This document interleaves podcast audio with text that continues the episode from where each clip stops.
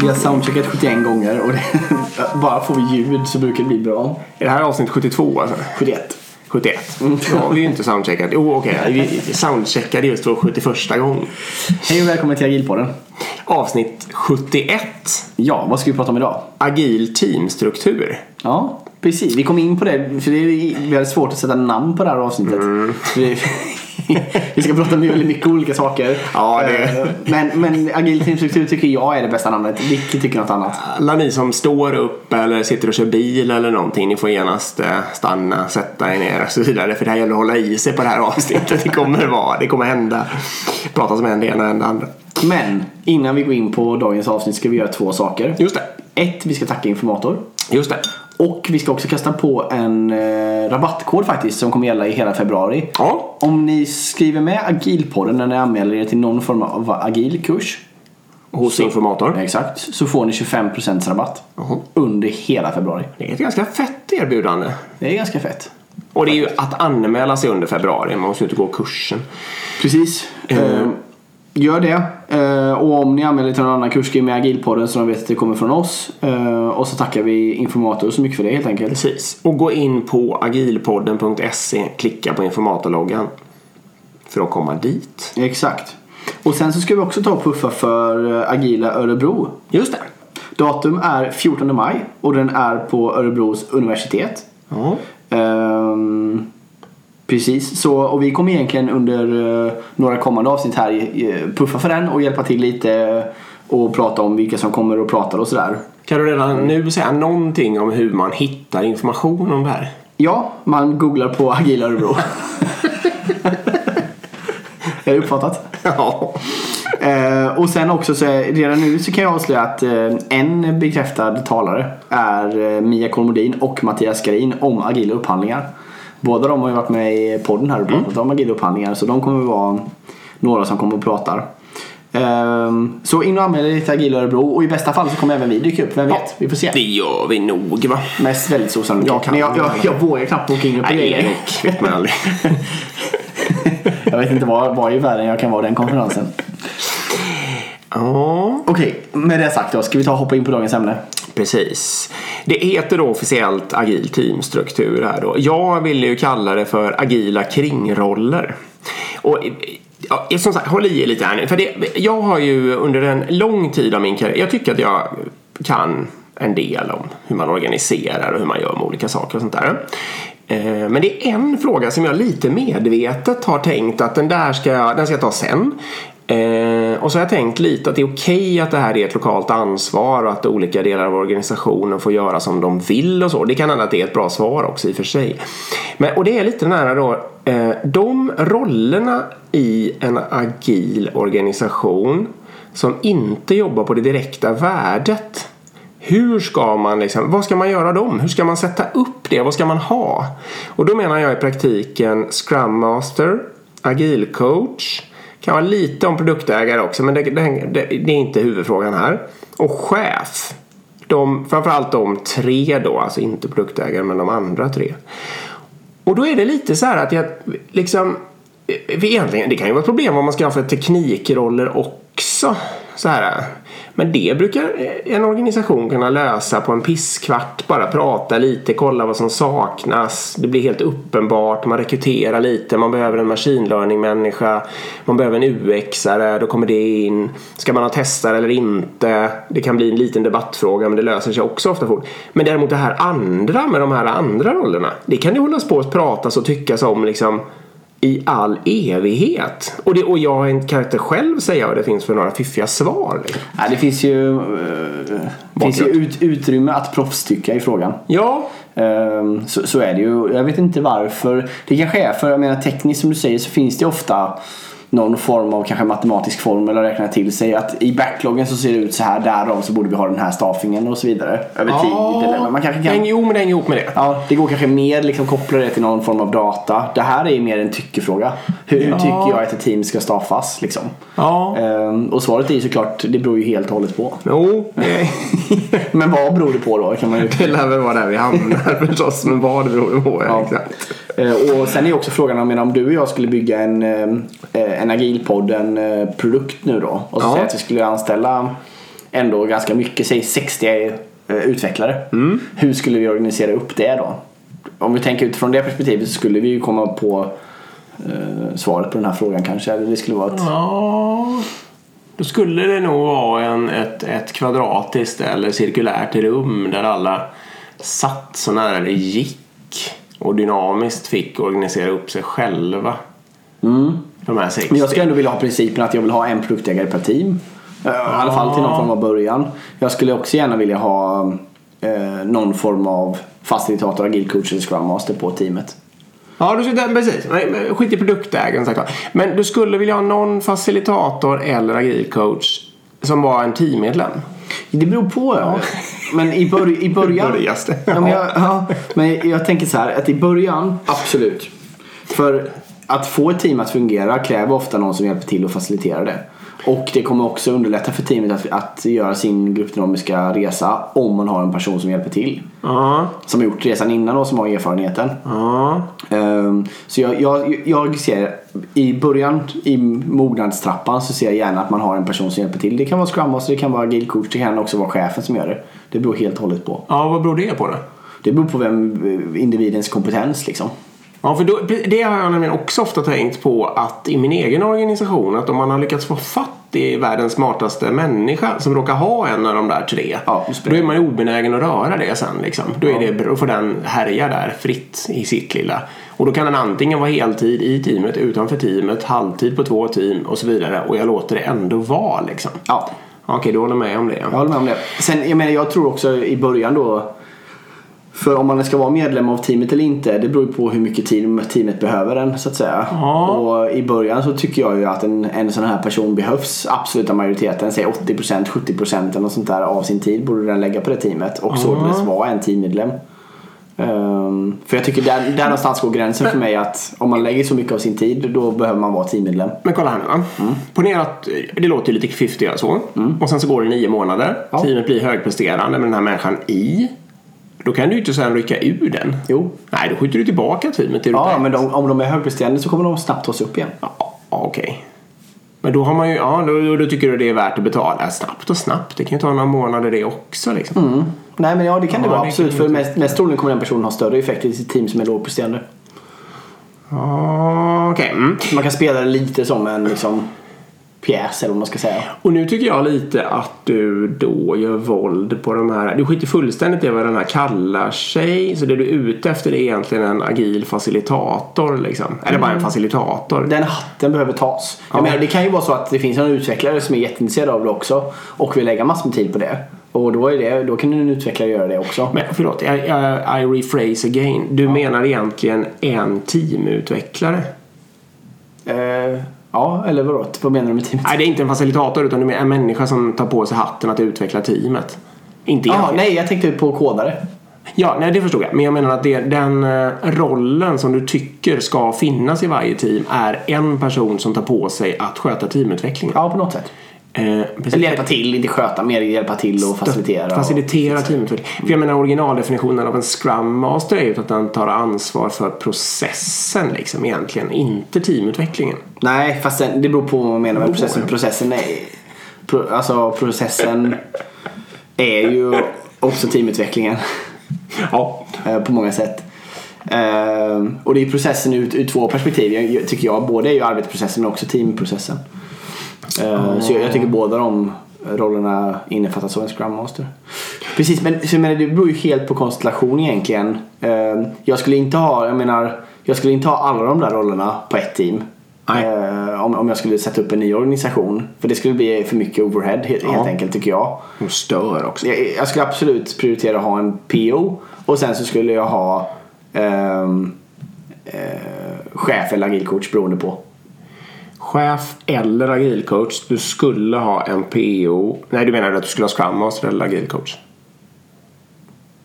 Nej, du menade chef eller agilcoach. Och Scrum Master? Nej. Nej, okej.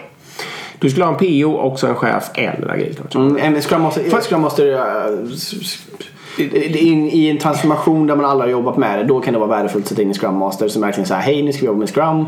så här funkar det, nu utbildar vi inom det och så vidare. Men om, så fort man har kommit en, en, en, bit på vägen så är det en roll man bara faciliterar runt i team. Väldigt enkelt. mellan teammedlemmar. Ja, exakt.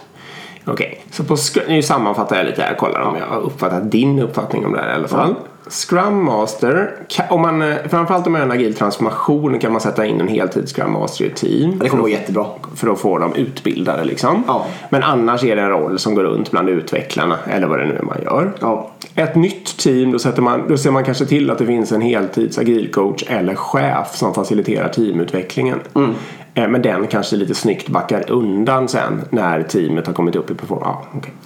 ja, men det är väl en Ihop med produktägaren då. Precis. Ja, lite så skulle jag göra. Sen skulle jag skapa ett ledningsteam för teamet också. Där man då eh, kanske tar då produktägaren, chefen och agilcoachen.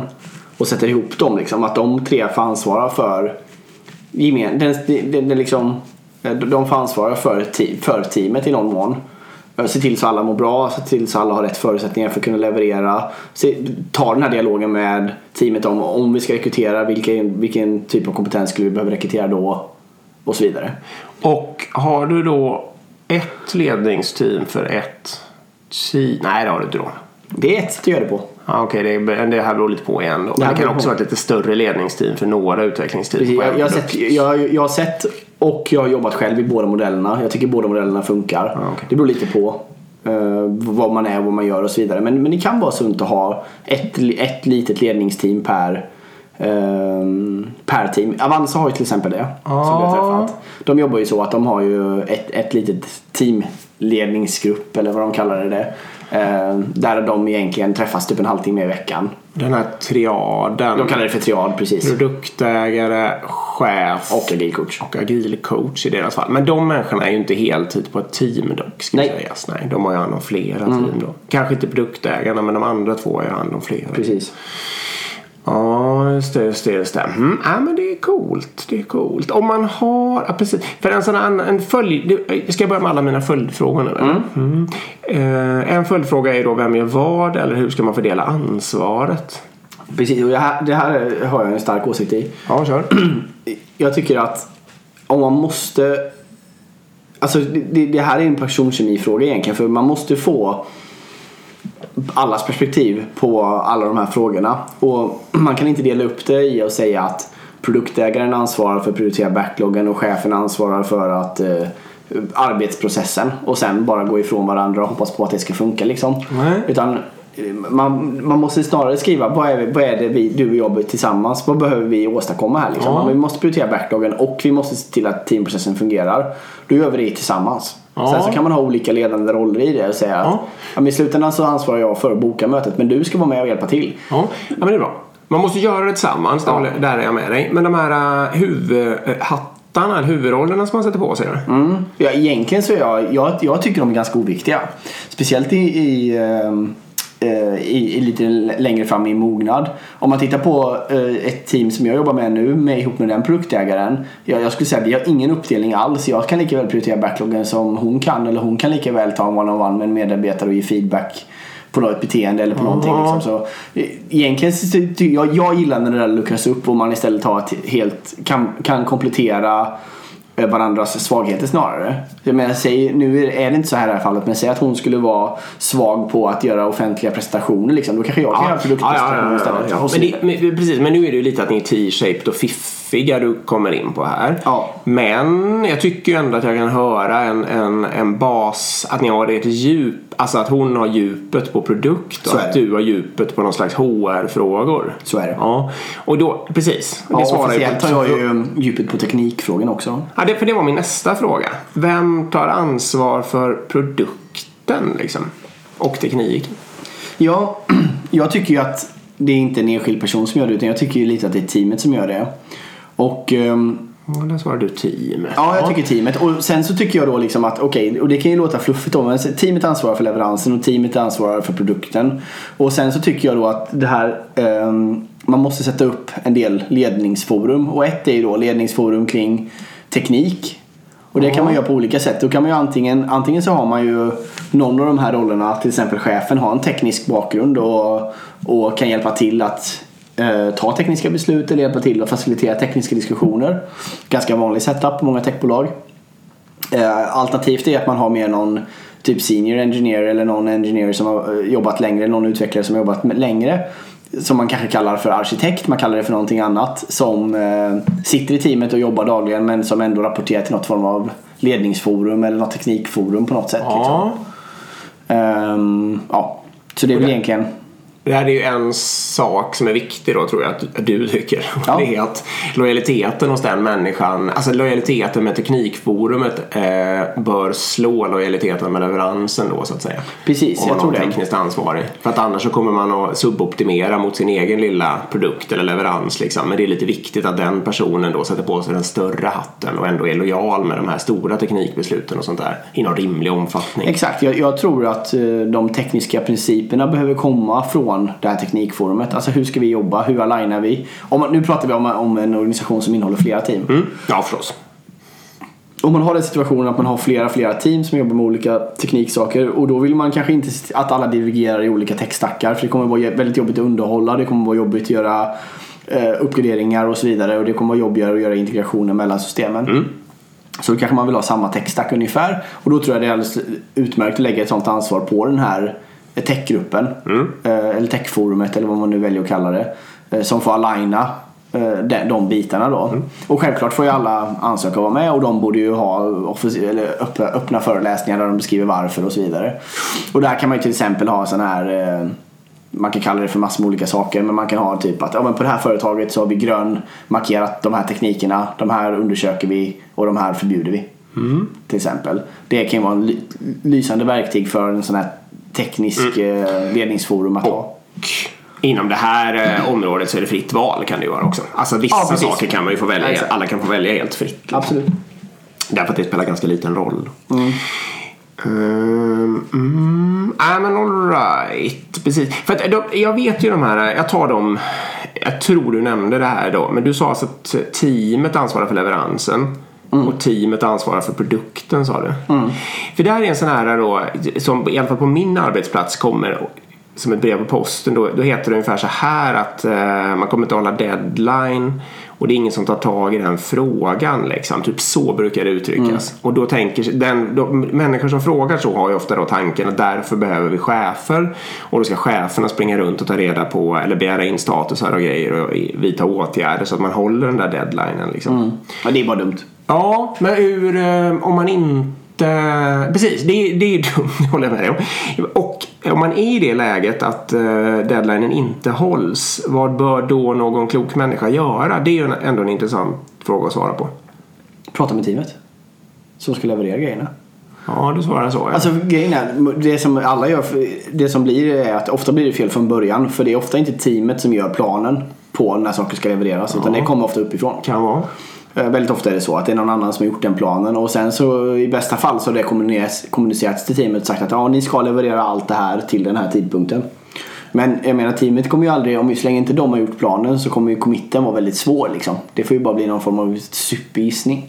De måste ju själva vara, med och gjort planen för att kunna, och då kan man, om de har gjort planen då kan man också hålla teamet ansvariga för planen. Ja, men vem är det som ska hålla teamet ansvar för planen? Det är lite det. Liksom. den som vem är den här mannen? Den som efterfrågar den här planen. Nej, men menar i slutändan så tycker jag då kan man vända sig till eh, eh, om, man, om man vill göra det här på lite större skala då kan man vända sig till just den här eh, ledarskapsgruppen för teamet. Ja, det tycker jag ändå är okej. Ja. Så på något vis så ta, ha, är, är, är det okej att den engagerar sig i det här så kallade leveransansvaret då? Ja, absolut. Jag tycker den personen måste kunna svara på eh, Eh, leveranser. Och den, de personerna måste kunna facilitera ett retro med ett team och säga att ja, det här var förväntningarna på oss, det här var det vi satt upp som mål, det här, vi levererar inte det här liksom. Vad, vad är det vi måste göra eller vad kan vi göra för att komma upp till de här förväntningarna som ändå ja. finns på oss? Och så. all right. så du tycker egentligen att det är okej okay att den personen som då kanske är chef tar ett ansvar för den här leveransen. Det är bara det att de åtgärderna som personen ska göra om, när, om det inte verkar gå vägen, det är kanske helt annorlunda än de här klassiska mm. uppföljningsåtgärderna liksom. Ja men visst, absolut. Mm, och för produkten då? Ja men produkten är samma sak egentligen tycker jag. Ja. Jag menar produkten, eh, vad är skillnaden på produkt och på leverans? Liksom? Ja men så här jag tar vad jag menar med produkten i alla fall. Eh, då menar jag att någon behöver ju känna att de ska känna på sig det, det lätta kanske är produktvisionen och det kanske är produktägaren. Men någon behöver också känna på sig att nej men nu är nog det här eh, övermoget. Nu ska vi nog trappa ner här eh, och satsa resurserna på något annat. Det är, sam, det, det, det är samma lednings... Ja, ja, teamledningsförmåga. Det är just därför man behöver ha perspektivet mellan produkt, teknik och liksom arbetssätt eller agilt då. Om man får in alla de tre perspektiven i en ledningsgrupp per team så, så borde de tre kunna vara väldigt duktiga på att bolla alla de här typerna av frågor. Eh, Alla kommer olika med perspektiv, alla olika kompetens liksom. Ehm, Och där borde man kunna få väldigt bra utväxling. Jag, så skulle jag sätta upp. Om jag, om jag skulle bygga en organisation, om vi säger att vi skulle bygga en med 100 personer eller 80 personer eller någonting. Då skulle jag göra helt enkelt, om vi tar 80 personer så kanske man skulle göra då 10 team eller något sånt där. Ja. 8 till 10 team. Ehm, Jag skulle se till då såklart att de är end-to-end och att de är eh, full stack eh, teamen och bla bla bla. Kanske Ja. ska göra något plattformsteam vid behov. Eh, Och sen så skulle jag egentligen sätta då eh, en chef per team. Jag skulle sätta en produktägare per team och sen så skulle jag ha X antal agila coacher helt beroende på hur mycket erfarenhet personalen har sedan tidigare och så. Som då jobbade med de här teamen. Men eh, nu kollar vi. Vi har- Det är 80 utvecklare. Ja. Eller 80 tech. Alltså det kan vara lite ML och vad det nu är också. Sånt, ja. Och då tycker du att vi ska ha eh, åtta produktägare till exempel. Ponera att det blir eh, åtta team. Mm. Då ska vi ha åtta produktägare, åtta chefer Mm. och några agilcoacher. Jaha. Ska jag, vad ska agilcoacherna göra då? Blir det, säg att det blir 20 personer då. På 20... Ja, det blir det. Ja. Ja. Då är vi uppe i 100 totalt. Ja, Ja. Det är inte helt orimligt. Nej, ska... jag, jag, jag tror det är en ganska rimlig nivå. 20% admin liksom. Det, det tycker jag. Ja. Och för jag menar, agilcoacherna ska ju eh, se till att eh, kunskapen sprids mellan olika team. De har ju en sån förmåga att de kan gå runt och göra det. De ska ju också säkerställa att de kan komma in och hjälpa till att utbilda de teamen som behövs. Identifiera de teamen som inte levererar. Och hade jag också bestämt så hade jag ju låtit agilcoacherna rapportera direkt till jag, jag, Om jag nu är VD då. Så hade jag ju låtit de här agilcoacherna rapportera direkt till mig för att typ kunna hitta, identifiera chefer som, inte, som håller på med micromanagement som inte beter sig. Eh, att hitta team, konstellation och ledningsgruppsteam som inte funkar och så vidare. Ja, okej. Då hade du jobbat med lite både och där. En Ja, sån här facilitator i varje team och några facilitatorer som rör sig Mm. runt. Ja. Så hade jag gjort. Sen hade jag haft agilcoacherna för jag menar om vi har de här ledningsteamen då så hade agilcoachen varit del av dem. Eh, för- Ledningsteamet för varje team så att säga. Men sen är också en nivå upp. Säg att det här hade varit två stycken olika områden. Vi hade kunnat dela upp företaget i utveckling och support eller jag vet inte. Ja. Det hade vi nog inte gjort. Det hade vi nog inte gjort men... Så att vi Produkt skulle- A och produkt B Exakt, möjligtvis. två, vi ska ha två produkter, produkt A och produkt B. Då kanske vi skulle ha en, en ledningsgrupp för produkt A och en ledningsgrupp för produkt B liksom. Ja, okej. Som då är en aggregering av de här människorna som sitter i Säg att en produktområde A innehåller fyra team liksom. Ja. Då skulle den bestå av fyra produktägare, fyra chefer och någon agilcoach liksom. ja, ja. Jag tror du kommer utnämnas till, eller du kommer få uh, Agilpoddens Overmanagement-pris på Agilpodden-galan i höst. Efter det här organisationsförslaget. Men det kan vi komma tillbaka till i höst. Men sen beror det ju helt på också för jag menar i vissa av de här teamen så skulle jag absolut kunna tänka mig att ha chefer som fortfarande skriver kod. Ja, Det skulle till exempel kunna vara en, en, en, en, en grej som absolut skulle kunna vara bra här. Samma sak om vi skulle ta in eh, eh, någon chef som vi har jobbat jättemycket med. Som, liksom, eh, som vi litar på till 100% och som vi vet är superduktig. Det är klart jag skulle kunna ge, du vet vem jag tänker på. Det, är klart jag skulle kunna ge henne fyra team liksom. ja, ja. För, för hon, jag vet att hon har den kapaciteten och den förmågan och gjort det innan liksom. Ja. Så men det, allt beror ju på här. Ja, men, men ja. jag skulle använda den som någon form av så skulle jag måla upp min, min organisation. Hur skulle du göra? Har jag Eh, ja, men jag har några saker, jag kan, jag kan svara på det sen också. Men jag kom på, jag tror att en princip som vi ändå säger här nu är att eh, människa slår eh, organisationsstruktur. Liksom. Så att man får, det är viktigare att utgå från vilka människor man har och deras kapacitet och förmåga. Eh, än att besätta alla roller eller göra någon rollstruktur eller något liknande. Liksom. Så har man som sagt världens bästa människa som klarar fyra team så bara leva glad och använd er av det. Liksom. Ja. Rör inte det. Nej, och, de, och definiera inte heller upp de här rollerna. Alltså, sitt inte och säg vad en produktägare ska göra, vad en chef ska göra, vad en agilcoach ska göra. Utan låt varje konstellation Nej. sätta sin approach på det. Låt det bara ske. Sen så kan man säga, man kan sätta någon superöverläggande princip som säger att Du som produktägare ansvarar för att våra slutanvändare blir nöjdare och nöjdare med var, alltså för varje produkt. Ja, Ja, något sånt. Något, liksom. För det är ju ändå, när du säger produkt, alltså man menar ju minst eller det du sa eller möjligtvis till och med så här, du har huvudansvar för att du användarna blir nöjda med produkten. Mm. Något sånt där. Och, och chefen kanske har huvudansvar att säkerställa att eh, medarbetarnivån går upp över tid. Mm. Till exempel. Men, men håller på den höga Precis. fluffiga nivån. För Ja, sen okej. så själva actionen för att få en medarbetare nöjdare. Den kan lika väl produktägaren utföra. Den behöver Mm. inte chefen utföra. Jag ska säga förresten vad jag också, jag hann aldrig få in det förut, men det här med om, om leveransen krånglar. Eh, vad gör jag då? Jag tror, alltså jag håller med dig och jag tror att jag också skulle lägga en del energi på att förklara den större bilden. Så att liksom, vi har de här, de här leveranserna för att vi har tänkt ut att vi har den här, den här lanseringstakten och ska få de här, de här intäktsströmmarna. Om det nu är det eller också är det inte direkt intäkt och då skulle jag i alla fall förklara att vi tror att vi ska få den här, den här nyttan ute i, i de här människorna som vi stöder liksom. Att de ska kunna jobba så här, så här mycket fortare. Jag skulle lägga ganska mycket energi på det tror jag snarare än att grotta i leveransen som sådan faktiskt. För att få de människorna som ska göra jobbet att förstå varför de gör det. Eh, bara lägga till det. Det är ofta Mm. typiskt produktägares jobb skulle jag säga. Men nu ska vi se, vad skulle jag göra av den här 80 personers? Ja. Ja, det är ju en bra fråga alltså. Men det är en, en... Jag håller med dig, det beror på. Och jag håller med om att ditt förslag eh, har eh, styrkor. Det kan hända att jag skulle utröna möjligheten att, om jag hade de här 80, alltså att bara se eh, om, om den får själv organisera upp sig som en TIL-struktur liksom. Vad skulle det bli då? Eh, Och det skulle jag vara beredd på att testa också. och, och liksom se då lite, och då, då kommer det inte finnas några chefer alls. Om de då organiserar fram agilcoacher, scrum masters, what not, så då gör, då gör de, eller vi det, jag skulle också vara med förstås, då gör vi det liksom. Och gör vi inte det så gör vi inte det.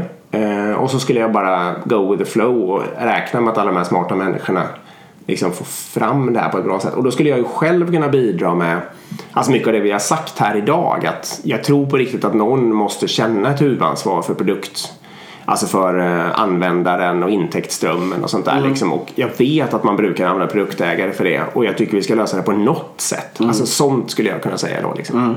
Men inte, försök att inte låsa mig alls faktiskt i de här det skulle nog vara mitt första förs... Om, om, om, folk, om, folk, om folk var pepp på det, Ja. ja då, skulle då skulle vi hamna där. Det håller jag med om. Det skulle jag också. Men och, låt säga nu att du tar över eh, ett befintligt företag som Nej, då kan det vara. Då, då kanske den resan kommer gå långsammare också. Ja, men, ja, Mm. precis. Men låt säga att du tar över ett företag som eh, eh, VD. Eh, idag så finns det ett projektkontor på 10 personer Mm. och så vidare som du, du kanske är sparkar då. Eh, Och så vidare. Och hur skulle du göra? Du, du, du, har en någorlunda traditionell organisation. Hur skulle du sätta upp det med de här? Du måste ha de här rollerna. Nej men då är det ju en bra idé som du säger. Då är det en bra idé att det finns någon på varje team som, som kan utbilda alla och så. Absolut. Ja, och då, eh, nej, men då skriver jag nog under på ditt förslag eh, rakt av. Man, man skulle kunna jobba också med eh, jättefå chefer. Chefer Ja. är ofta, ja det är både en fälla och en välsignelse. Ja, det är ju det. Det är ju De det. är bra för man kan få dem att göra lite vad som helst. De, de är ibland dåliga för att de eh, fastnar. Liksom. Ja, men man skulle också kunna ha bara en, två, tre chefer på alla de här 80. Och sen så ha kanske då de här heltidsgrummastrarna i början för att få igång det hela. Det skulle nog vara mitt alternativ. Men då skulle cheferna vara mer HR liksom. Ja, precis. Och inte så mycket med... Nej, då skulle de bara alltså Då skulle man verkligen kanske- undanröja hinder och det här. eh, Då skulle man kunna ha typ två chefer per eh, produktområde. Så produkt, Ja. eh, produktområde A har två och, två och 40 pers ungefär där. Eller 35 eller någonting. Och B samma då, två personer på Ja, max Ja. i så fall. Precis. Nej men det håller jag med om. Det, det är ett alternativ. Det skulle ju spara. För det, det skulle ju då spara företaget egentligen fyra stycken chefslöner. Ja, fast jag kanske skulle ha lika många typ scrum. Om allt var omoget, nytt och outbildat skulle jag kanske ha lika många scrum masters. Det blir ungefär lika dyrt. Okej, det är. Men det får lite få människor till ett lite annat mindset. Mm. Och så är det alltid där, har man en chef sätter den troligtvis lön, folk är troligtvis i en beroendeställning till Mm. den och på så vis kan det vara bättre då med en scrum master eller någonting som är mer en ren facilitator. Liksom. Men det är verkligen, ja det är bra och dåligt för och Ja, nackdelar är- och beror på. Och det, det, är väl, det är väl därför, som svar på din första fråga, det är väl därför det här kan debatteras så också. För jag menar, beroende på konstellation. Jag menar det finns ju team som jag har sett till exempel om man stoppar in en heltids Scrum Master som har gjort det här massa gånger innan som kan komma ut med ett starkt utbildningspaket som kan komma ut med liksom sätta jättetydliga strukturer, kan få teamet att börja leverera en velocitet och så, och så vidare. Um, och jag har sett det, där det funkar alldeles utmärkt. Jag har också sett där en Scrum Master är totalt redundant i team. Där den bara håller på och mm. faciliterar och det är egentligen helt onödigt. Ja, i vissa fall fyller i lite blanketter och ja, ungefär så. miljöer och sånt där skit som borde automatiseras. Ja, och, och då, då istället teamet tar över den faciliteringen ger gånger, många gånger mycket mer effektivitet och mycket mer ehm, ja, det är bättre slagkraft för teamet att själva ansvara för sin planering och så vidare. Så, så det är det här som är så svårt. Mm. Allt beror så jävligt mycket på. Uh, och sen uh, behöver man inte ha helt samma modell över hela företaget heller. Utan Nej. det är väl här du var inne på också ja. lite att man kanske kan låta det här vara någorlunda organiskt. Det man måste göra tycker jag är att ifrågasätta när man har kört samma modell en längre tag. Är det här fortfarande relevant? Uh, ha, ha, liksom, för det, det jag skulle kravställa som VD på alla mina sådana här teamledningsgrupper är ju att jag vill att ni visar mig att ett, produkten blir bättre. Två, att teamet blir bättre. Mm. Sen hur de gör det får de göra hur de vill. Mm. Om de vill rita en bild eller om de vill mäta teamhälsa eller kundnöjdhet eller medarnöjdhet. Alltså sådär, det, mm. det kan jag låta vara men de två hade jag velat se en rapportering på. Liksom. Mm. Att hur, hur säkerställer vi att det här blir bättre? Um, och sen märker man då att det stagnerar, alltså att man blir väldigt, väldigt bra eller hur, att man då vågar utmana och ändra den här konstellationen för att kunna ta ett nästa steg och så vidare. Mm. Ja, men jag tror, precis, jag tror jag landar i lite, kanske, lite att det är lite som i min organisation idag, att det är ett lokalt ansvar. Men jag kanske blir lite sugen på att lägga på några principer. Och det tror jag på. Skulle typisk princip skulle ju kunna vara omoget team, mer facilitering, moget team, facilitatorerna drar sig undan. Och en annan princip skulle kunna vara människa slår struktur. Så man ska i första hand titta på vilka människor man har och i andra hand liksom låta hålla på med strukturella förändringar. Visst. Och det, som bra exempel på det. Jag har själv sett ett team som har en person som är både produktägare och scrum master eller agil coach och lyckas sköta det perfekt. Det är klart det finns. Mm. Precis, och det är ju egentligen inte, det, det skulle man aldrig rekommendera som huvudinriktning. Men eh, om det råkar funka så låt det vara. Låt det ja, men, ja, nej, men precis. Nej, bra. Ja, spännande. Jättekul eh, ämne och fundering. Och om ni sitter där ute och råkar jobba i min organisation så kan ni veta att jag funderar på att dra igång en workshop om det här också på jobbet. Liksom. Så då kan ni säga till om ni vill vara med på det. Mm. Och eh, du använder det här som främsta kommunikationsmedel till din personal? Nej, det var bara för att jag tänkte att om det sitter någon där så kan ju inte det kan inte sen vara hemlig. Eller jag får ju nå ut på jobbet också på något ja. sätt. Men jag tänkte att det var nästan löjligt att inte nämna. Och också om ni sitter i någon organisation som gör på något av sätten vi har beskrivit eller gör på något annorlunda sätt eller känner att ni har kommit långt fram i det här eller vad som helst. Eh, hör av, oss, hör, hör av er till ja, oss.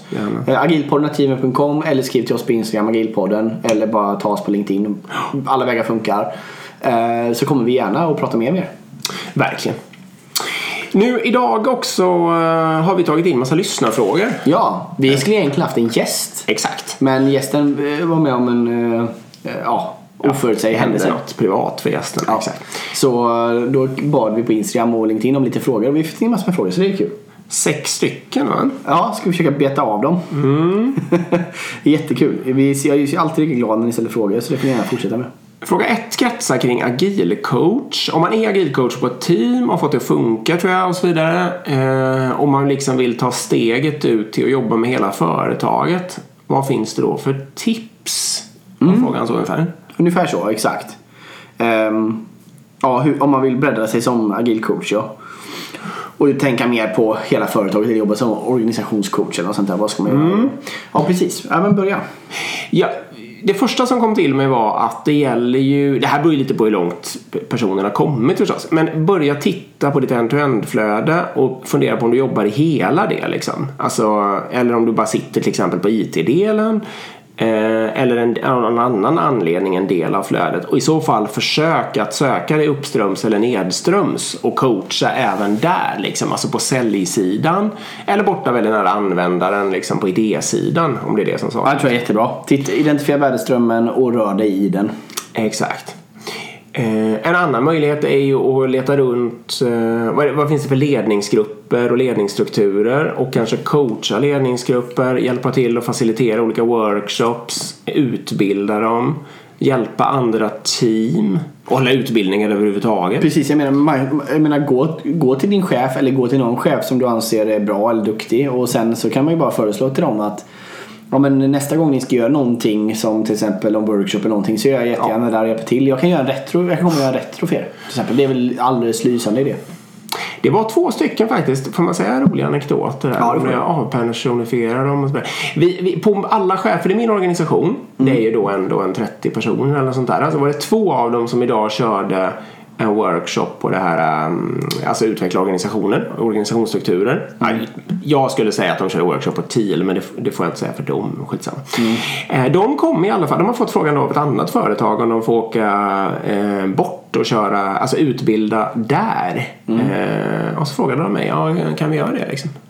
Ja, det kan jag väl göra. Och så försöka bena ut i vad blir det? Ska vi hålla på med konsultverksamhet då? Liksom? Så det, det är till slut, det, mitt råd, jag sa inte de får göra som de vill, men mitt råd var ungefär så här. Ja, men gör ett byte då. Så be om någonting som ni vet att det företaget kan, eh, kan ge oss. Alltså ge dem en hel dag och ta en hel dag något annat tillbaka. Liksom. Ja, precis. Mm. Eller så får du be att du ska ha 10% på swishen bara. Rakt av. Så har du en fin, det är ett annat alternativ. Så har du en fin sidoverksamhet. Som jag inte tänker göra. Nej men det är klart, jag menar sånt är väl jättebra. Ja, det är ju det. Och jag kände det att det här kommer ju vara en del av deras personliga utveckling också. Så att även om, ja, även om de lär ut så är det ju ja, verkligen. jättebra. Liksom. Otroligt bra. Eh, provjobba som produktägare eller UX-are eller något sånt där. Mm. kan man tänka sig också. Ja, absolut. Jag menar, sök nya grejer. Och, ja. jag menar, jag, min erfarenhet, jag, jag har själv gjort det flera gånger. Jag har gått till högre ledningsgrupper och, och sagt att jag hjälper gärna till. Om ni, nästa gång ni ska ha en retro över någonting, över en incident, över en tidsperiod. Eh, hör av er till mig så kommer jag hjälpa till. Jag tror jag kan, hjälpa till. Jag, jag tror jag kan göra det bra. Men, vilken ledningsgrupp nappar inte på det? Nej, det brukar de göra också i din närhet. Det har hänt några gånger faktiskt. Mm. Eh, fråga två. Ja. Ett exempel, säg exempel när agila arbetssätt inte fungerar. Mm, inte är den rätta metoden att applicera. Och så kan vi utveckla kring det exemplet också. Ja. Ska, ska jag köra på den? Ja, det är din. Ja, först och främst så tycker jag ju inte att jag vet inte några bra case när det inte fungerar. Eh, men däremot så vet jag ju när det är något annat som funkar bättre bättre och det typiska exemplet där skulle ju vara om man har någon form av tillverkningsindustri. Nu anar alla vad som ska komma. Alltså man har någon form av förutsägbarhet och man har stora volymer. Man producerar någonting. Mm, en lina eller något. En eh, produktionslina av något slag. Mm. Då är det ju troligtvis någon form av lean eh, eller Toyota Production System inspirerad eh, kultur man vill försöka odla. Liksom. Mm. Och vad är det som är dåligt då med om man istället går bananas på agilt? Ja men det är väl lite tycker jag då kanske att man för in lite slöseri liksom. Hur då? Ja men om man till exempel har sprintar och lagrar saker i två veckor eller någonting sånt där. Mm. När man i själva verket skulle kunna pytsa ut dem allt eftersom. Mm. Eller om man kör, allting beror ju självklart på men om man liksom kör eh, omfattande sprintplanering och man har, lägger tid på nedbrytning och grejer av saker som man egentligen kan lära, alltså som egentligen är förutsägbara där man liksom kan se hur långa arbetsmomenten är på ett mm. mycket, mycket enklare. Ja, då har man ju kanske överdrivit lite. Alltså, du har agilt i en storslägga som man inte behöver då på något mm. sätt. Liksom. Eh, och då ska man istället fokusera på andra saker som just in time och liksom ändå tydligare visualisering av alla flöden och liksom sådana här saker. Man, man jobbar också mycket med, i en lean-kontext så kanske arbetsgruppen bara gör en liten, liten del av hela värdekedjan. I en agil kontext vill man ju ofta att arbetsgruppen tar en mycket stor del av hela värdekedjan därför att den är så komplicerad. Liksom. Ja, bra, bra poäng. Så, typ så. Det andra caset jag kan tänka mig det är ju mera i om det är katastrof. Eh, det beror lite på hur man menar men om det är något krig eller brand eller, eller någon naturkatastrof eller något sånt där då är det väldigt viktigt att komma igång fort och göra väldigt enkla självklara saker. Och då är det ju mer ofta tror jag, det beror lite på hur, hur mycket tid man har men jag menar, i sitt enklaste fall är det ju liksom bara enklaste form av självorganisation som gäller. Mm. Och då kan man inte heller sätta upp några sprintar och möten och whatnot. Men sen kan man ganska, mm. ganska snabbt kan det vara viktigt med dailies och sånt där sen i och för sig om, ja. om krisen pågår i några dagar. Liksom. Mm. Absolut. Ja, det var ett bra exempel. Annars så tycker väl jag att det är bra. Sen kan man, jag får ta ett exempel till förresten. Det är när jag brukar rekommendera Vattenfall. Det är om man gör någon förutsägbar enstyckstillverkning. Mm. Man lagar en middag och man vet hur man gör. Mm. Eh, då behöver man inte göra det. Och du gör den middagen en gång om året. Du gör en julmat. Ja, eller en gång i månaden eller en gång i veckan också på något sätt. Liksom. Att, och, och man bara gör den. Ja, då kan man ju göra den i Vattenfalls stil för det blir för, tillräckligt förutsägbart ändå. Liksom. Enkla saker där kunskapen är, liksom finns behöver inte göras agilt heller. Nej. Eh, Sen beror det ju på alltid vad man menar med agilt. Vad, Ja. vad man lägger det. För jag, menar, jag ser till exempel feedback som ett agilt element. Och det är ju en, typisk grej som är alltid bra att samla in oberoende vad du gör. Liksom. Så, men det är ju kanske i sitt... Ja, ni förstår min poäng. Ja, och det, beror för det är klart att om man, om man gör den här middagen till barnen och alla frågar om de gillar och sådär då skulle ju den agila approachen att man får betygsätta maten skulle kunna göra att maten blir mycket godare. Ja, precis. och så vidare. Det, oh, nej, det, Och då kan man göra en iteration till och testa och sådär. ja, ja, det blir ju en iteration nästa månad när man gör samma. Ja, precis. ja fråga tre då. Ja. Korta intervall. Ja, exakt. Jag kan läsa hela frågan här. Gör det. Ehm, inom agilt vill man ha korta intervall mellan värdeleveranserna. Men vad innebär det målet? Finns det något självändamål med att göra dem så korta som möjligt? Jag tror ju egentligen att det gör det. Ja. För jag tror att för varför man vill korta leveranserna. Alltså det handlar ju egentligen om varför vill man från idé till att man stoppar det i produktion och slutanvändare får se det liksom. Ja. Det är ju den man vill korta. Och det är ju för att man vill ha kortare feedbackloopar. Ja. Man vill veta om grejerna är bra. Lära sig snabbare. Ja, för om den där värdeleveransen är lång, låt säga bara fyra veckor, sex Ja. veckor, åtta veckor. Då är det helt plötsligt en väldigt hög investering och en väldigt hög risk. För du vet inte från faktiskt de börjar använda den om, det var en bra idé eller inte. Du kan ha hypoteser om att det här är en bra idé, du kan tro det, det kan vara datadrivna beslut och så vidare. Men du vet faktiskt aldrig från, du har, från, från slutanvändare har det i handen. Ehm, så jag skulle absolut, jag tycker alltid man ska försöka utmana sig att korta de här så mycket som möjligt. Sen så kan man sitta i tekniska situationer som gör att det helt plötsligt inte är värt det. Alltså det blir för mycket. Säg att du har massor med manuella regressionstester. Är det värt då att sänka ner det? Om du har en vecka nu och du har två dagar du måste regressionstesta. Är det värt då att göra det två gånger i veckan? Antagligen inte. Nej. Eh, så, så det är klart att det, det finns sådana. Eh, men jag, teoretiskt kan jag inte se någon begränsning i varför man inte skulle korta det så långt som möjligt.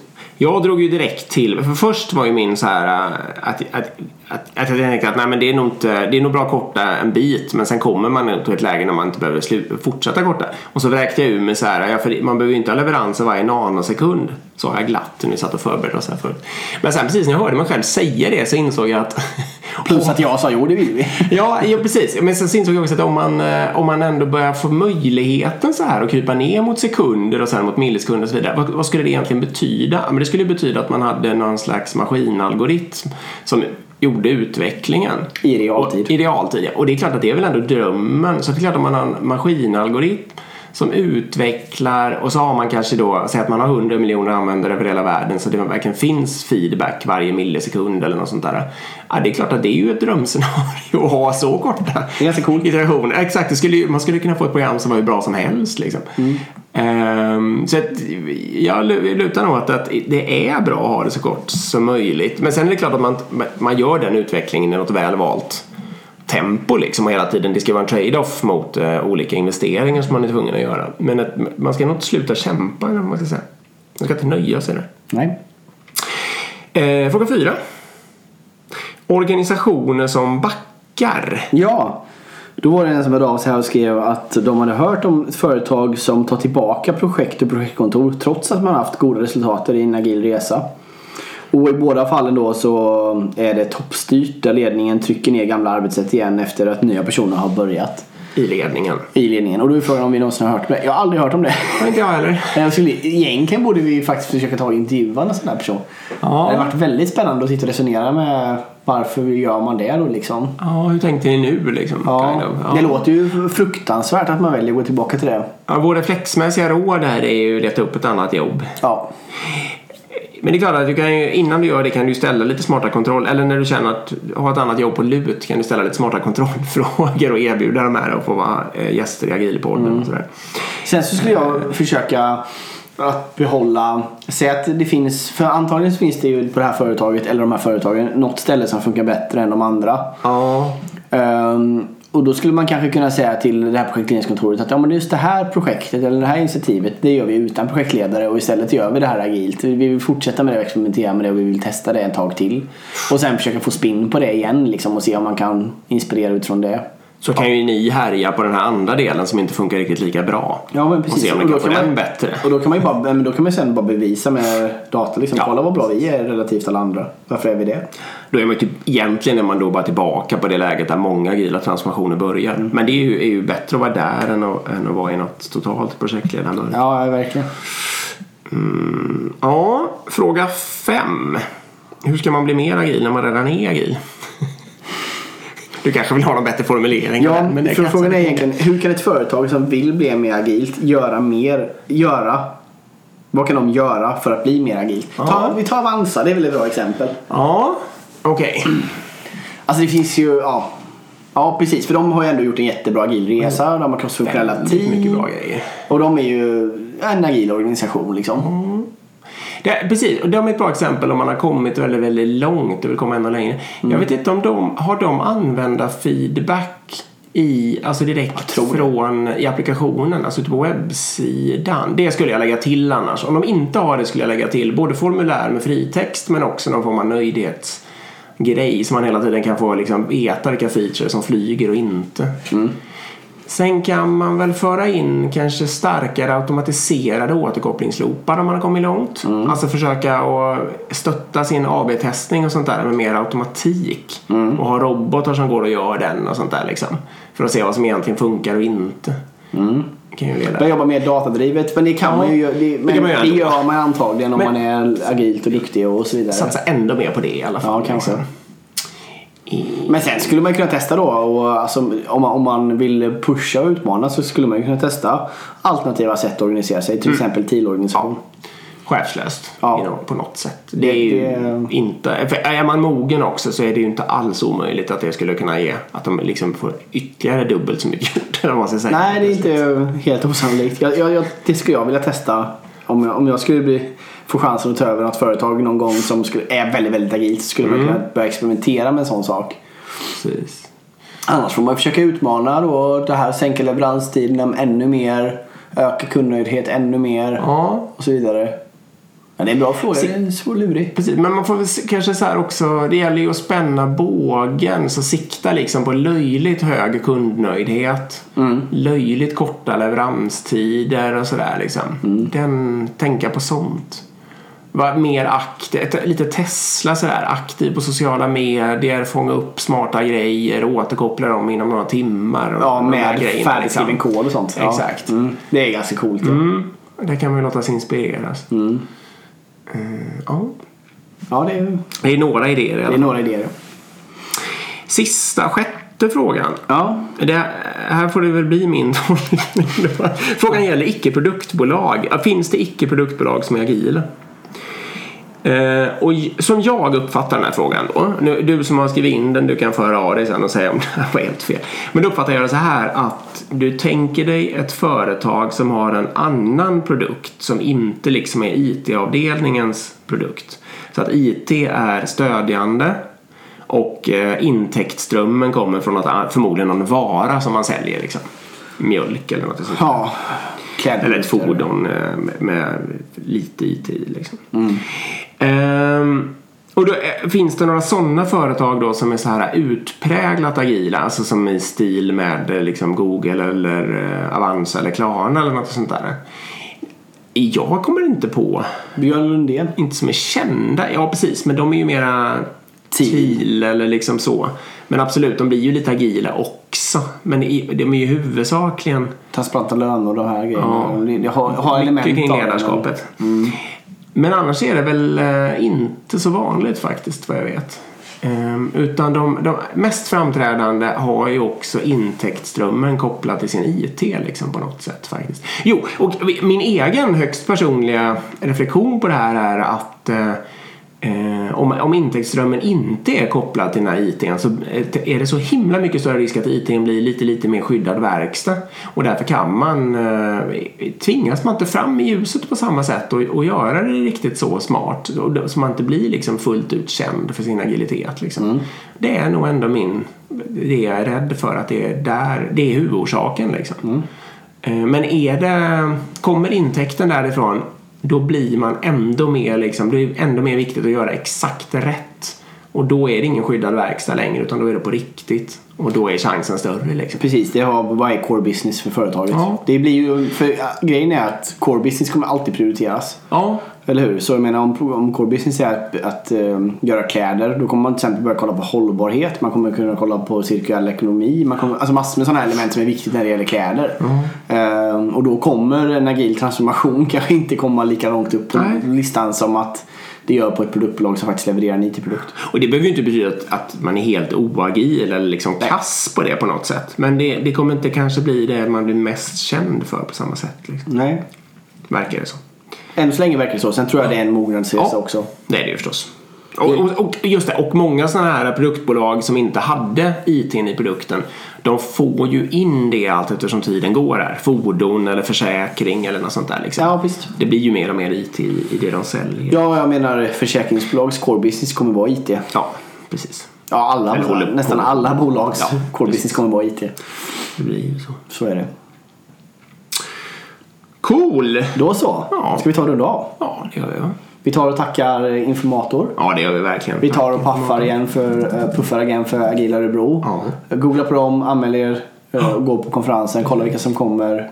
Eh, Åk kom- dit och träffa oss eventuellt. Kom ihåg nu om ni anmäler er till informatorkurser eh, som har någonting med agilt att göra i februari. Skriv agilpodden, får 25% rabatt. Och sen så kan vi bara, om ni har fler frågor, om ni blir inspirerade eller har följdfrågor på det här, vad som helst, skriv till oss, agilpodden.gmail.com.